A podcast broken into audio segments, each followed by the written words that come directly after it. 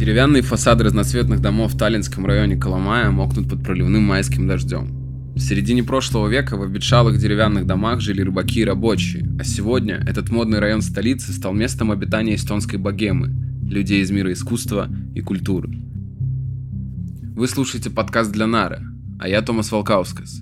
Я здороваюсь с вами отсюда, из Сталинской Коломаи, где я остановился на пару дней, чтобы встретиться и записать интервью с журналисткой независимого российского издания «Новая газета» Еленой Костюченко.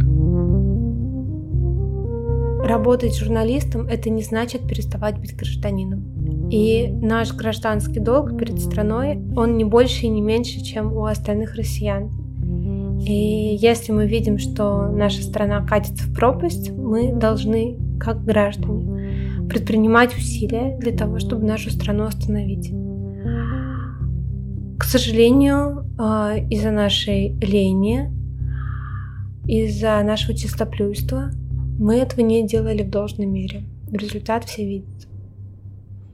Мы встречаемся с Еленой спустя два месяца после ее возвращения из Украины, где она работала – с публикацией ее текстов о том, как в военное время живут города на юге Украины, новая газета стала получать предупреждения от Роскомнадзора и Генеральной прокуратуры с требованием удалить данные материалы. Тексты сайта издания были удалены, а позже редакция опубликовала заявление о приостановке работы до окончания войны. Часть журналистов «Новой газеты» уехала, оставаться в России им просто небезопасно.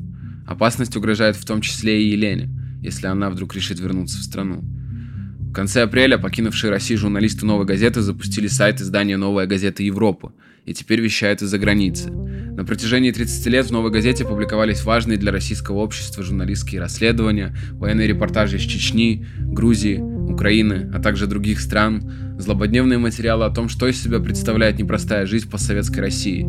За время существования «Новой газеты» шестеро ее сотрудников были убиты. Среди них журналистка, правозащитница и писательница Анна Политковская – имя которой широко известно во всем мире. История новой – это история выживания в авторитарной путинской России, история борьбы за свободу слова, за право на независимую журналистику и перемены в российском обществе.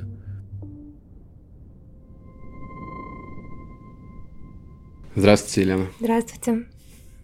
Эм, мы сегодня с вами встречаемся в Таллине. Откуда вы сюда приехали? Не могу сказать, у меня сейчас не очень хорошая ситуация с безопасностью, и моя редакция попросила меня не говорить, откуда, где я сейчас. Угу. Ну, вы приехали в Европу, я так понимаю, после своей командировки в Украину, да, которая да. длилась там больше месяца. Угу. Эм, что увидели в Николаеве, в Херсоне, в Одессе? Как живут эти города сейчас? Как живут они сейчас, не знаю, потому что прошло время э, с тех пор, как я там была. Но когда я была в Украине, Николаев был под атакой а, российских войск, а, то есть российские войска стояли в 20-30 километрах, так они полудугой стояли, полуокружили город с севера и с востока. И были постоянные обстрелы, и гибло много людей, не только в самом городе, но и в пригородах, в селах. А, кроме того, я там задокументировала факт расстрела гражданской машины, машины с красным крестом, которая перевозила воспитательниц а, детского приюта, который был эвакуирован в начале войны в село Антоновка. И, ну, в общем, туда везли смену воспитательницы. А, российские военные расстреляли машину, трое женщин погибли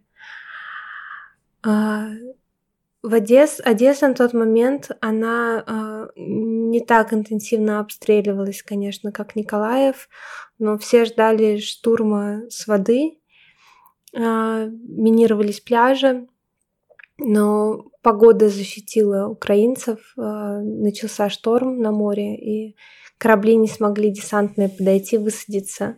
Ну и потом, как я понимаю, э, логично было сначала взять Николаев, а потом штурмовать Одессу. И вот Николаев, так сказать, собой Одессу защитил. Херсон, когда я туда приехала, находился уже под оккупацией. А, то есть мне удалось пересечь линию фронта дважды, чтобы заехать в город и выехать из города. И главное, что нужно сказать про Херсон, что там пропадали и пропадают люди. Я прошу прощения, главный редактор звонит. Дмитрий Андреевич. В момент, когда мы только начали вести наш разговор, Елене позвонил главный редактор «Новой газеты» и лауреат Нобелевской премии мира Дмитрий Муратов. Из трубки доносится мне хорошо знакомый по многим интервью и документальным фильмам голос.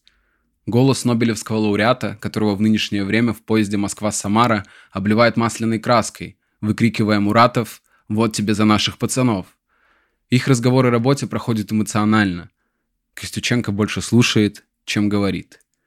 Несмотря на то, что сотрудники новой газеты находятся в разных городах и странах, а их безопасность под угрозой, внутриредакционное общение, взаимопомощь и забота никуда не исчезли.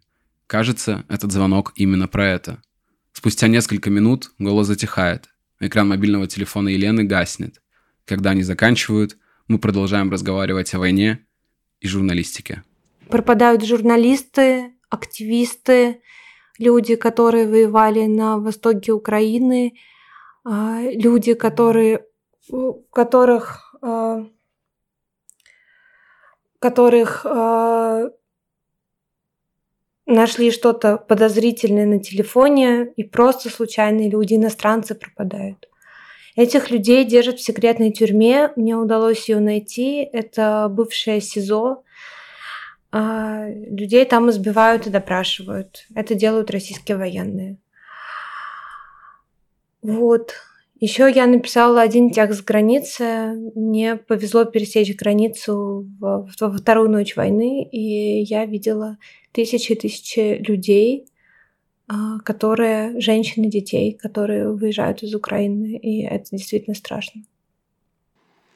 Вы говорили, что в Херсон сложно попасть э, и выехать оттуда сложно. Как вам физически это удалось произвести? Мне повезло, мне с начала моей поездки очень помогали украинцы, простые люди местные. И, собственно, точно так же через цепочку людей э, я нашла водителя, который выезжал и заезжал в Херсон. И я договорилась с ним, что он возьмет меня на борт. Это обычный гражданский человек. Просто очень храбрый. И никаких проблем с пересечением угрозы там в вашей жизни не было в тот момент, когда вы переезжали? Когда я заезжала, э, не ос... было как раз затишье на этом участке фронта, и не особо смотрели даже мои документы, то есть там в какой-то момент проверили мой российский паспорт, спросили, кому я еду. Я не представлялась журналисткой на блокпостах, поэтому я прошла нормально. Но когда я выезжала, это было сложно сделать. А, я выезжала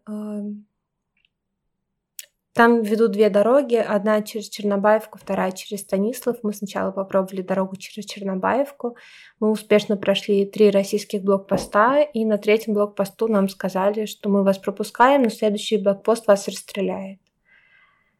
И мы спросили, что это значит. Нам сказали, ну, у них такой приказ.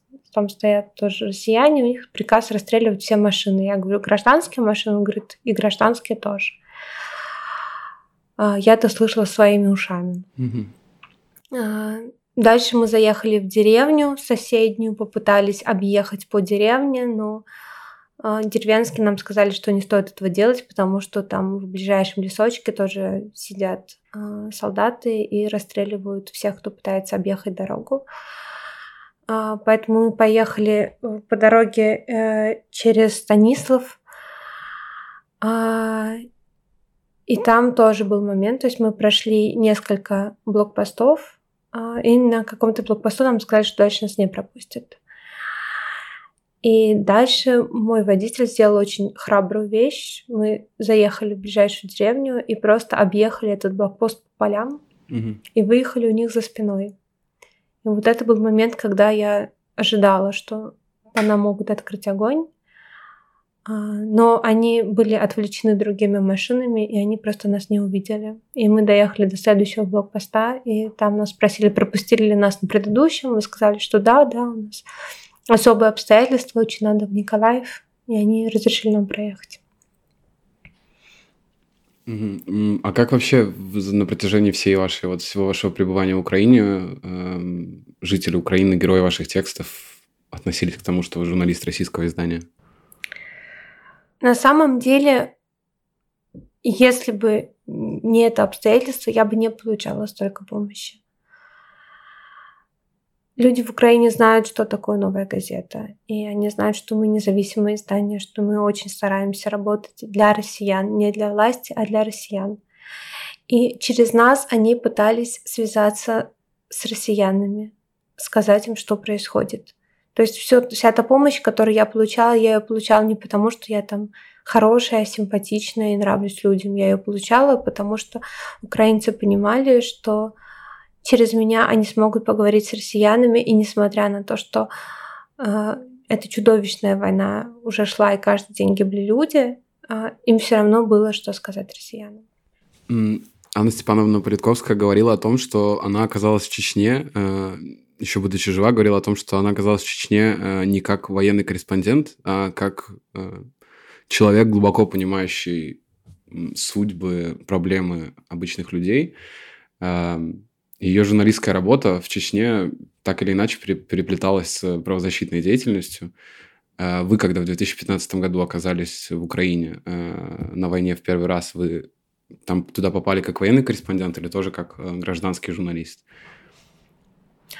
И вообще разделяете ли вы эти понятия военной журналистики гражданской? Я, я не разделяю. Я не разделяю. Ну, то есть Понятно, что бывает специализация журналистская, и некоторые журналисты очень много ездят, работают на войнах, но по сути работа на войне не отличается от работы как бы в мирное время. Просто ее чуть сложнее делать, надо больше времени тратить на то, чтобы добраться из пункта А в пункт Б, потому что на войне все передвижения как бы медленные из того, что опасные. А, понятно, что постоянно есть риск, но по сути ты точно так же разговариваешь с людьми, пишешь о том, что им приходится переживать, и пытаешься понять, что происходит. То есть сама механика работы точно такая же. Разделяете ли вы журналистику и гражданский активизм? Ну, например, вы в России выступали за права ЛГБТ, организовывали пикеты акции, насколько я знаю.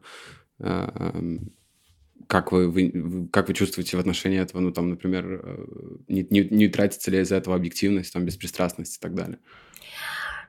Вы знаете, это такая наебка капитализма. Mm-hmm. Я очень рада, что вы про это заговорили, э, потому что это, наверное, главный урок для нас всех, который для нас, для нас всех, для российских журналистов, которых принесла эта война. А, действительно, у нас ходили в России все эти западные разговоры на тему того, что журналист не может быть активистом, что журналист это не тот, кто меняет реальность, а тот, кто ее описывает. И это такая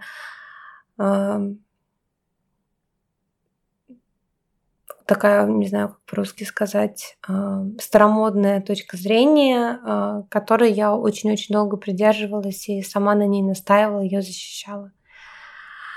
А, проблема в том, что работать журналистом это не значит переставать быть гражданином. И наш гражданский долг перед страной, он не больше и не меньше, чем у остальных россиян. И если мы видим, что наша страна катится в пропасть, мы должны, как граждане, предпринимать усилия для того, чтобы нашу страну остановить. А, к сожалению, а, из-за нашей лени, из-за нашего чистоплюйства мы этого не делали в должной мере. Результат все видят. Um, еще был эпизод, который вы описывали в интервью Катерине Гордеевой, которая вышла на YouTube-канале «Скажи Гордеевой». Вы говорили о том, что в первый раз, когда вы оказались э, в Украине на войне, в Луганской области висели ваши портреты с целью того, чтобы вас задержать. Эм, кто вообще это организовал, что это была за история, почему в Луганской области за вами охотились? Это организовала ФСБ. Они очень расстроились, когда я нашла тела россиян, погибших а, при битве за Донецкий аэропорт. Эти тела прятали, я их нашла и написала об этом. И они очень сильно по этому поводу переживали, как я понимаю, и решили вот так вот мне отомстить. Ну, честно говоря, то, что творится в голове у сотрудников ФСБ сейчас, я тогда и сейчас, тем более, я не могу представить. А, я себя никак не чувствую виноватой в том, что я делала свою работу. А, и эти люди, которые а, получают приказы прятать тела, они, как взрослые, дееспособные мужчины, должны вообще-то понимать, чем они занимаются. И что это не их работа, а это преступление по отношению к гражданам своей страны. И если люди идут на это преступление, а, они выводят себя из какого-то поля а, общего понимания и сочувствия. То есть э, мне очень странно, что они, в принципе, рассчитывали, что я не напишу про это. Um, мне не хочется проводить э, какие-то параллели слишком часто. Они, наверное, не всегда бывают супер точными и э, да, точными. Но вы, как и Анна Политковская, э, пишете о войне. Э, и вот проведя там вы пишете о двух разных войнах, э, которые там режим Путина и вообще Владимир Путин в лице, в лице президента Российской Федерации развязал в двух разных государствах с разницей там, в 20 лет. Э, и меня не покидает мысль, что Анна Политковская отдала э, Чечне свою жизнь, но в глобальном смысле не удалось ей не удалось новой газете в какой-то степени не удалось там глобально поменять эм, российского общества. Как вы ощущаете, с помощью своей работы вы чувствуете, что вы меняете российское общество, и не кажется ли вам, что это некая борьба с ветряными мельницами? Ну, это не борьба с ветряными мельницами, это борьба за души людей. И это самая важная борьба, которая есть вообще.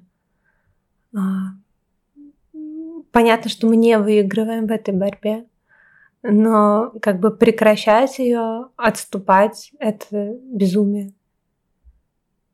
Я россиянка, я выросла в России, я родилась там. Там живет моя мама и моя сестра. А, там все мои близкие люди. А, не передать, насколько я чувствую себя связанной со своей страной и с ее гражданами и если прекращать бороться, это значит, что я просто отдаю там свою маму, свою сестру, своих близких, своих друзей этой темноте. А я никогда этого не сделаю. А вы чувствуете вину за действия вашей руководства вашей страны э, сейчас? Я чувствую ответственность, не вину. Вину я чувствую за то, что не сделала или сделала недостаточно сама. За действия властей, конечно, я чувствую ответственность. Эти люди э, представляют мое государство. Эти люди э, действуют от имени меня в том числе. А как вы могли бы объяснить то, что большая часть российского общества в данный момент ликует при виде падающих на Мариуполь ракет и другие украинские города? Я не была в России с начала войны, но мне кажется, что картина ликующего общества — это та картинка, которую хочет э, Путин, та картинка, в которую хочет он, чтобы в нее верили, и это неправда. Э, у меня очень разный круг общения. Э, я с начала войны на связи не только там со своими близкими друзьями, а на связи там с моими героями, которые не знаю, живут по всей стране, там среди них есть и венкийские охотники, например, и ни один человек из моего окружения не рад этой войне. И он не может быть рад войне, потому что радоваться войне чудовищно. Uh, у Шуры Буртина, у моего коллеги, который писал текст в «Медузу», uh, есть вот этот очень хороший текст, uh, где он пытается, где он разговаривает с людьми, которые поддерживают так называемую спецоперацию и пытается понять, почему. И э, это довольно тонкий текст, ну, то есть его прям стоит прочесть. Но если его обобщать и как бы сокращать, то получается, что в основном люди э, поддерживают это из-за страха, потому что они чувствуют себя уязвимыми, они чувствуют, что их будущее уязвимо, и они в этой ситуации ощущения собственной уязвимости пытаются прислониться к тому, что им кажется наиболее сильным, и это государство. А можно ли винить людей за слабость? Ну, наверное, можно, но я, наверное, не буду этого делать. Э, вы говорили про то, что вы никогда не прекратите борьбу, а, и борьба в этом контексте, и борьба в том виде, в котором вы ее ведете, она очень опасна. А, некоторые ваши коллеги по «Новой газете» э, были убиты за свою профессиональную деятельность. Э, если я не ошибаюсь, то пока вы работаете в «Новой газете», таких, таких ваших коллег, сотрудников новой было четверо. Да. Это Анна Политковская, Станислав Маркелов, Анастасия Бабурова и Наталья Стемирова. Всего «Новая газета» потеряла шестерых своих сотрудников. И в интервью, опять же, Катерине Гордеевой вы говорили то, что список такой длины делают новую газету особенным изданием. Нет, не список делает особенным изданием. Из того, что мы особенное издание, список такой длины. Да, из-за того, что вы особенное издание, э, список такой длины. Э, как вы себя ощущаете, работая в новой газете и оценивая все риски? Страшно ли вам? А, нет. Ну, именно потому, что я оцениваю это как риски. Ну, то есть это просто еще один из рисков. Ну, как бы все люди смертные, это очевидно.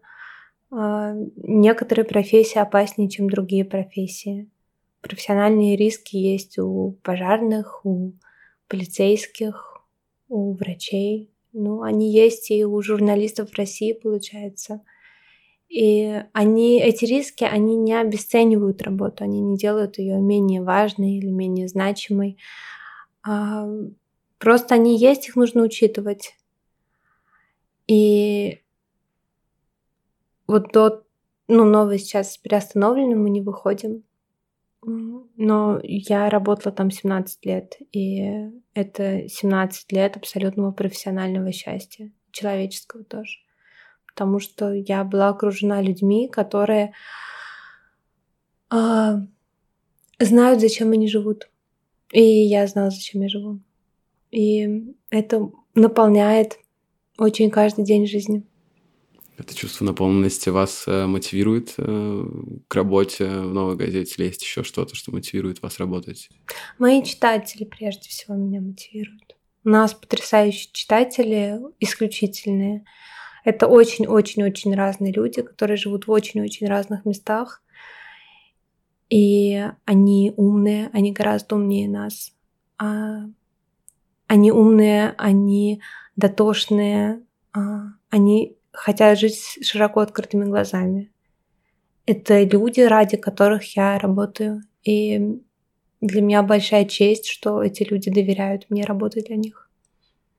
А почему российское государство использует такие брутальные методы для борьбы с новой газетой? Этого я не понимаю. Ну, то есть эм, я не чувствую, что мы враги государству. А, ну, то есть сейчас, когда все дошло до войны, а, до такой войны, конечно, напряжение больше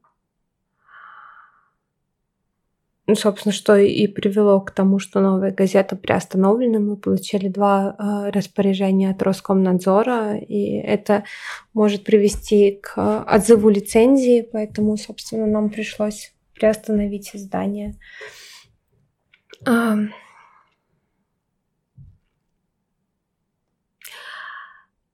Мне кажется, что для того, чтобы страна жила у нее должна быть своя э, газета. Всероссийская, да, газета. Это очень важно, потому что это обратная связь с реальностью, это сцепка с реальностью, это как шины сцепляются с дорогой. Когда, шин, когда сцепление с дорогой уходит, то машину ведет. Она не едет больше ни вперед, ни назад, ее просто несет и она слетает с дороги. а, мы это сцепление с реальностью обеспечивали. Поэтому а, почему государство видит нас и не только нас, а наших коллег из других изданий, журналистов независимых, почему оно видит нас врагов, это, наверное, вопрос к Путину. Но мне кажется, что в адекватной картине мира, конечно, мы не то что враги, мы просто э, необходимая часть мира. Понятно, что нас не очень приятно читать, наверное, и, э, возможно, возникают разные эмоции при чтении наших текстов. Но эмоции это то, что делает нас живыми, правильно? Угу. Мне кажется, взрослые люди должны как-то адекватно справляться со своими эмоциями, а не пытаться уничтожить то, что их вызывает. Деятельность «Новой газеты» приостановлена, вы, вы сами об этом говорите, вы об этом заявили, и «Новая газета» об этом заявила публично. Что вообще сейчас происходит?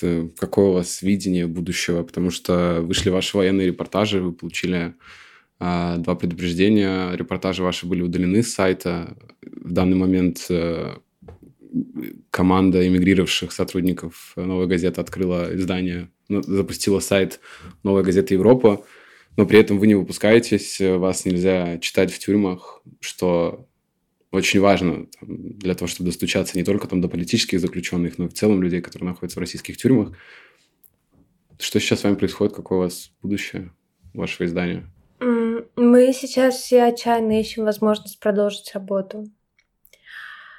А, это непросто. Ну, то есть наши коллеги из новой газеты Европа, они делают это, как они это видят. А, я бы, конечно, очень хотела, чтобы была возобновлена новая газета российская, потому что, мне кажется, это самое важное, что мы можем сейчас сделать.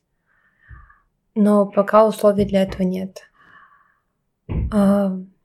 Я сейчас взяла несколько месяцев паузы, я пишу книгу, а, которую я давно должна была написать, но тоже, знаете, лень, безответственность все время откладывала. А, эта книга про Россию, про то, как мы пришли к тому, к чему мы пришли. И в ближайшие месяцы я лично буду занята вот этим. Это будет тяжелая работа, как бы я сейчас составила план глав, я понимаю, что а, придется очень во многом Ну, придется быть беспощадной прежде всего к себе, потому что когда ты честно пишешь про свою страну, ты должна честно писать и про себя, что ты делала, а, для того, чтобы этого не произошло. И выясняется, что не так уж много я и сделала. Поэтому а, вот у меня передо мной такой большой труд, он меня пугает. А, но, опять же, то, чему научила конкретно эта война, что наступает такой момент, когда свои страхи нужно просто убрать куда-нибудь. Угу. Они не должны влиять на принимаемые решения. Вот.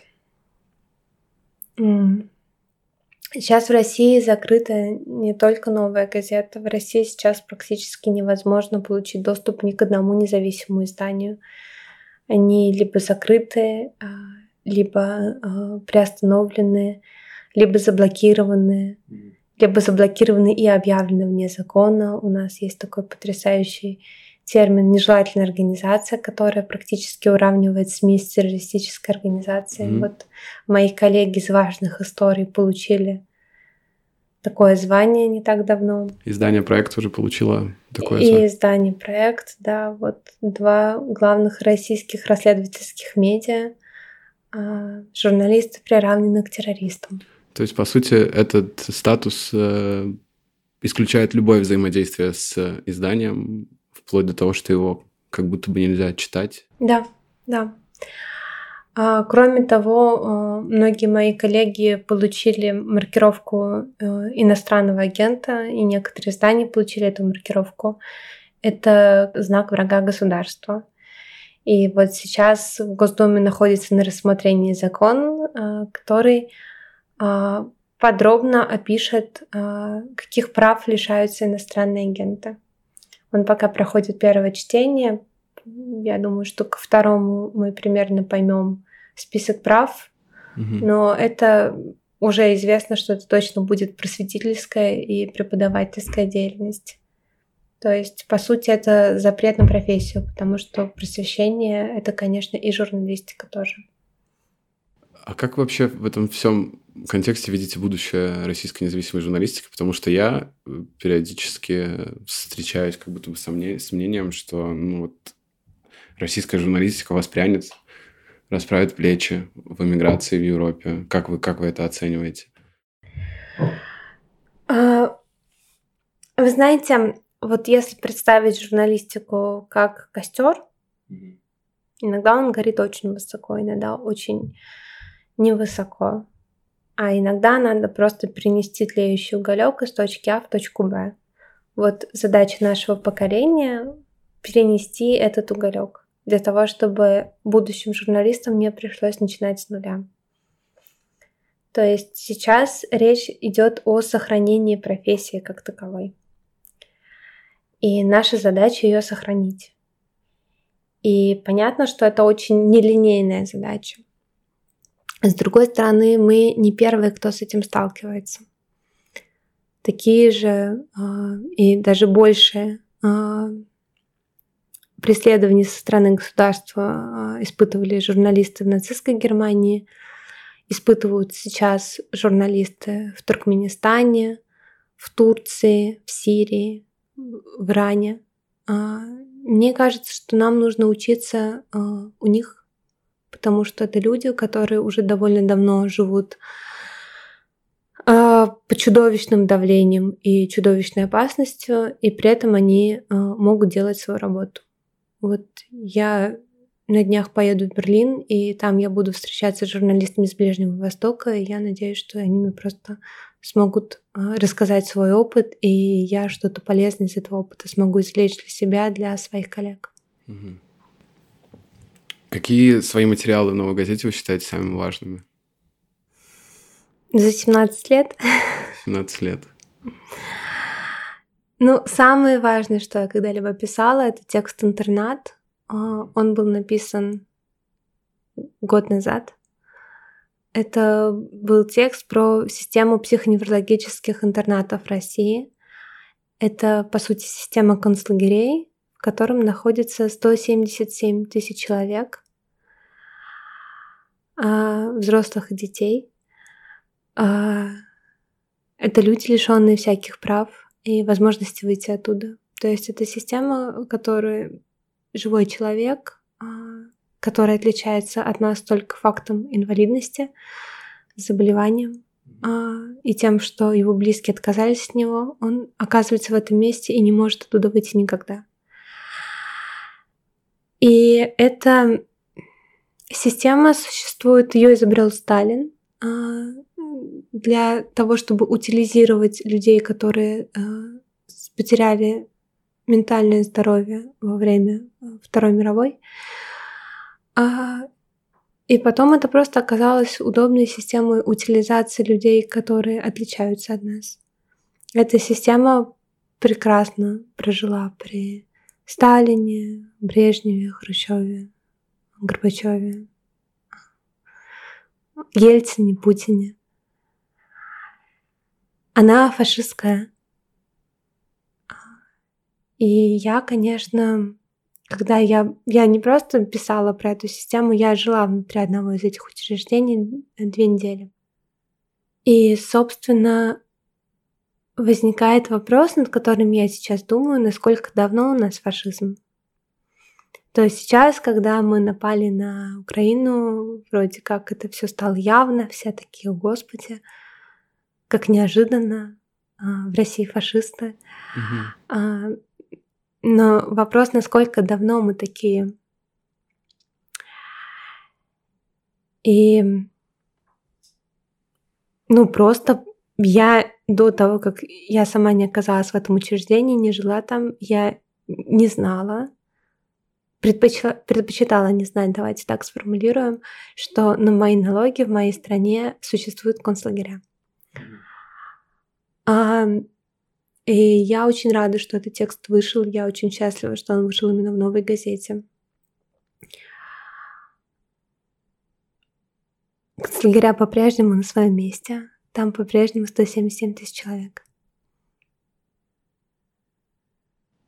Эм, и как вы, какой у вас, не знаю, у вас есть какой-то предварительный вывод, как давно в вашей стране фашизм? А, потому что вы очень интересный момент затронули о том, что с нападением на Украину э, у людей появилось ощущение того, что это вот произошло сейчас, как будто бы... Но при этом Россия развязывала войны даже при Путине. Это была Чечня, была Грузия, была Сирия, была Украина. Эм, не знаю, как, как, у вас есть какое-то заключение, как давно в вашей стране фашизм, вот то, что, то, что вы упоминали, или вы пока что еще думаете? Вы знаете, мне кажется, что фашизм, он как рак. Ну, то есть он есть внутри, он просто растет, растет. Просто сейчас эта опухоль э, вылезла наружу, она распадается, она чудовищная, и все ужаснулись. Она как рак или как вирус, не знаю. Угу. Не знаю, как долго. Не знаю, как долго. И а, вопрос даже не в том, как долго. А, это история, это вопрос, который будут отвечать историки. Как бы я не историк, слава богу. У меня гораздо более простые задачи. А, вопрос в том, как мы допустили, что все дошло до такой точки.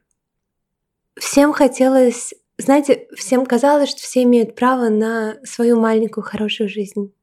У нас, например, э, в Москве э, последние там 10 лет очень популярна урбанистика.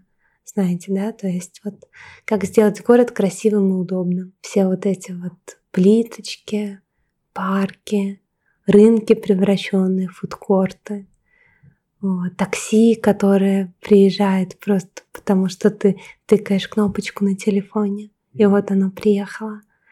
Доставка. Все так удобно, так комфортно. Всегда открываются новые места, всегда проходят новые спектакли. Есть что обсудить, есть куда сходить. А, как-то все очень верили в свое право на личное счастье. И, получается, ставили свое личное счастье выше чужих жизней.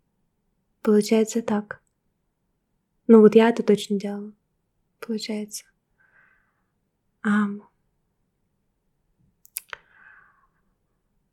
Ну, а вот теперь приходит расплата. Вот она такая. Какая расплата ждет россиян и Россию? Ну, есть два варианта, хороший и плохой. Из тех, которые я вижу, конечно, вариантов гораздо больше. И самый страшный, если мы победим в войне. Тогда вот такая неправедная выигранная война, а, ничего хуже вот своей вот для своей страны я не могу представить. А, тогда мы сможем продолжить жить дальше как народ только через полный распад государства. Это то, что ну, страны. Это то, что я бы очень не хотела, чтобы произошло.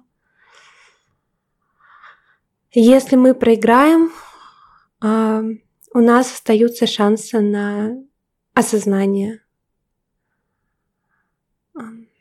Но это осознание будет, конечно, болезненным и будет дорого нам стоить тоже. А, ведь, опять же, та ситуация, которая происходит сейчас в Украине, так называемая денацификация, по сути, а, цель этой спецоперации, декларированная цель этой спецоперации, это лишить украинцев национальной идентичности, как бы уничтожить их как народ. И это э, то, что э, происходит со многими народами. И я тоже писала об этом на территории Российской Федерации прямо сейчас. Угу. Вот эта вот история, что русский старший брат и что все должны так или иначе, если не они, то пусть их дети, стать русскими. Это тоже очень, к сожалению, такой наш нарратив отечественный. А, придется пересмотреть правила общежития, потому что у нас в России живет очень много разных народов. А, у нас говорят на очень разных языках в России. И вот это вот гегемония русских как а, как бы государство образующей нации, Мгм. она, очевидно, какое-то время подойдет к концу, потому что по нескольким причинам, но главное из них, потому что мы не справились. Ну, то есть мы завели всю ситуацию вот, вот в эту точку. А, поэтому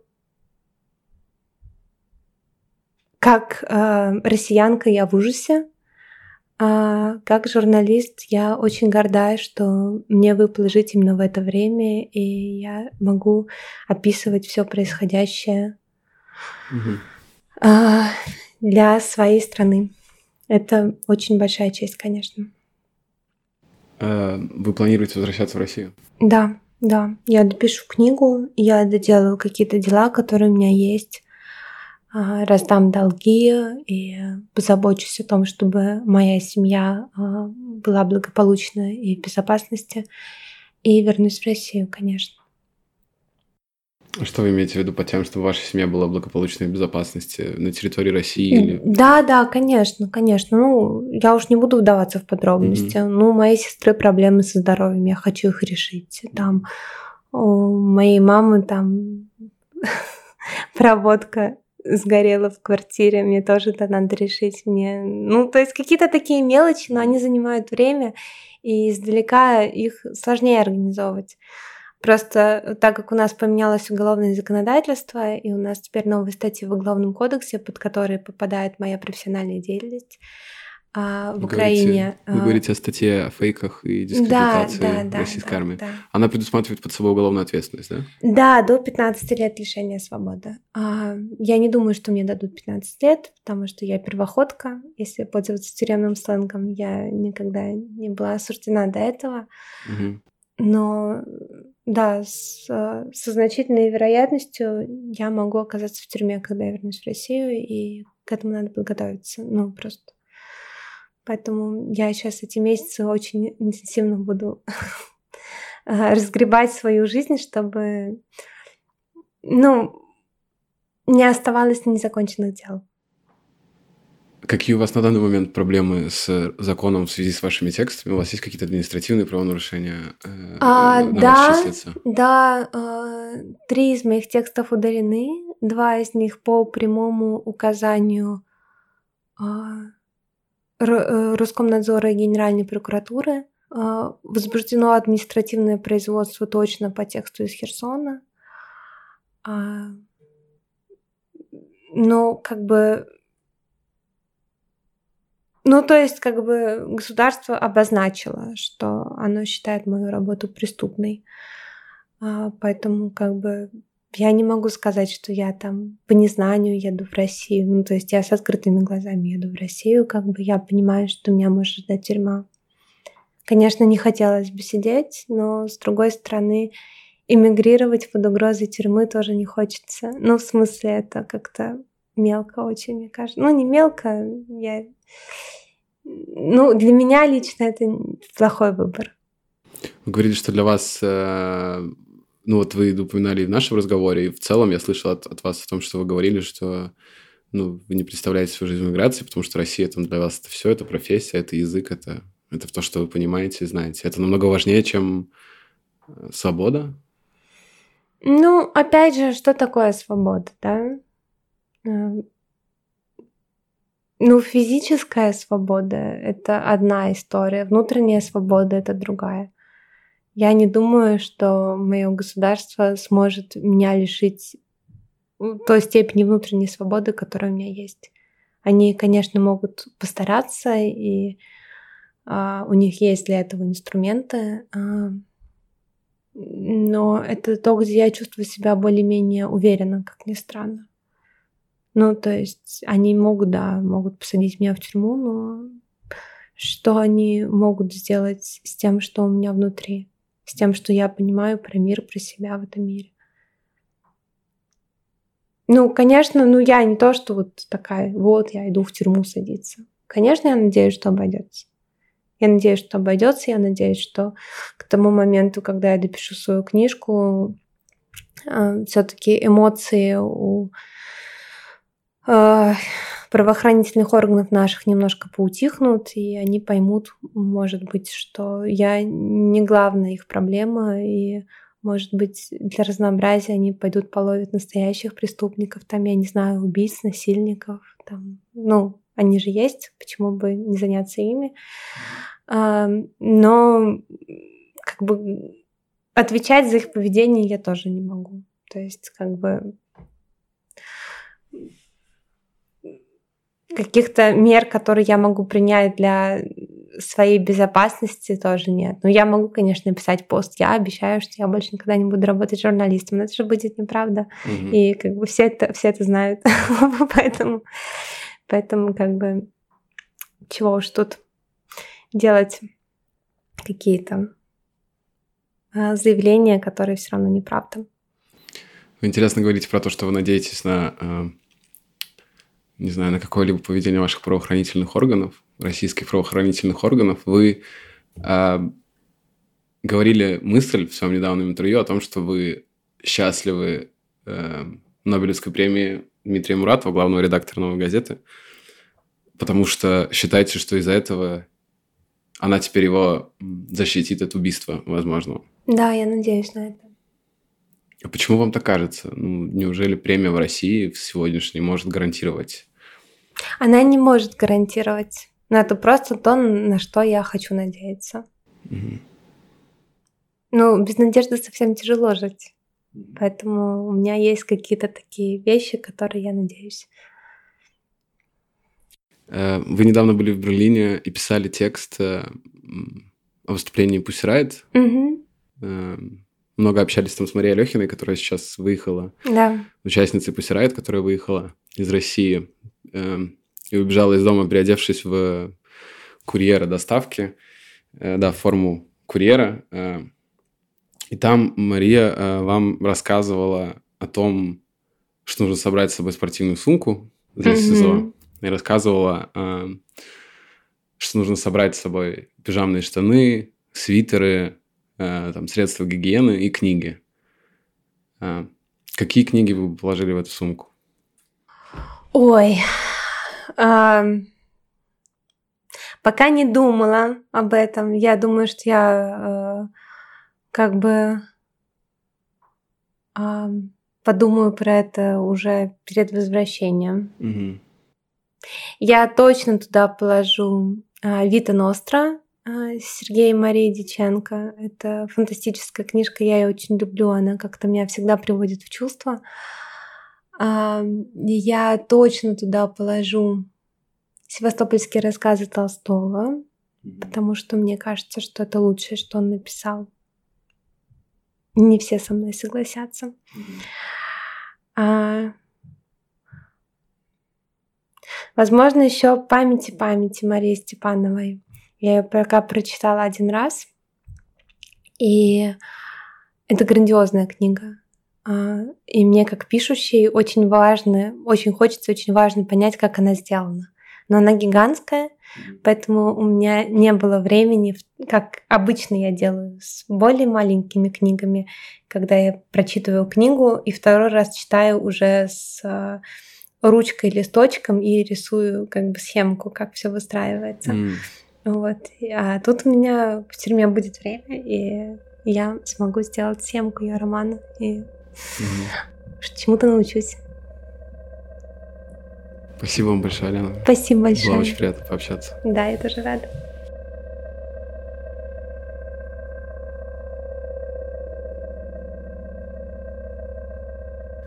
Такой наш эпизод сегодня. Поделитесь им со своими знакомыми и друзьями. Это очень нам поможет. Приглашаю вас зайти на наш сайт nara.lt/ru. Там вы увидите фотографии для этой публикации, которые делал я, и Елену в своих рабочих поездках. А также найдете другие наши работы на совершенно разные темы. Спасибо, что слушаете наши подкасты, читаете тексты и находитесь рядом. Мы очень это ценим. Редактор публикации Индра Киршайте, звукорежиссер Адома Зубе, автор музыки Мартинес Гейлюс. Спасибо и до встречи.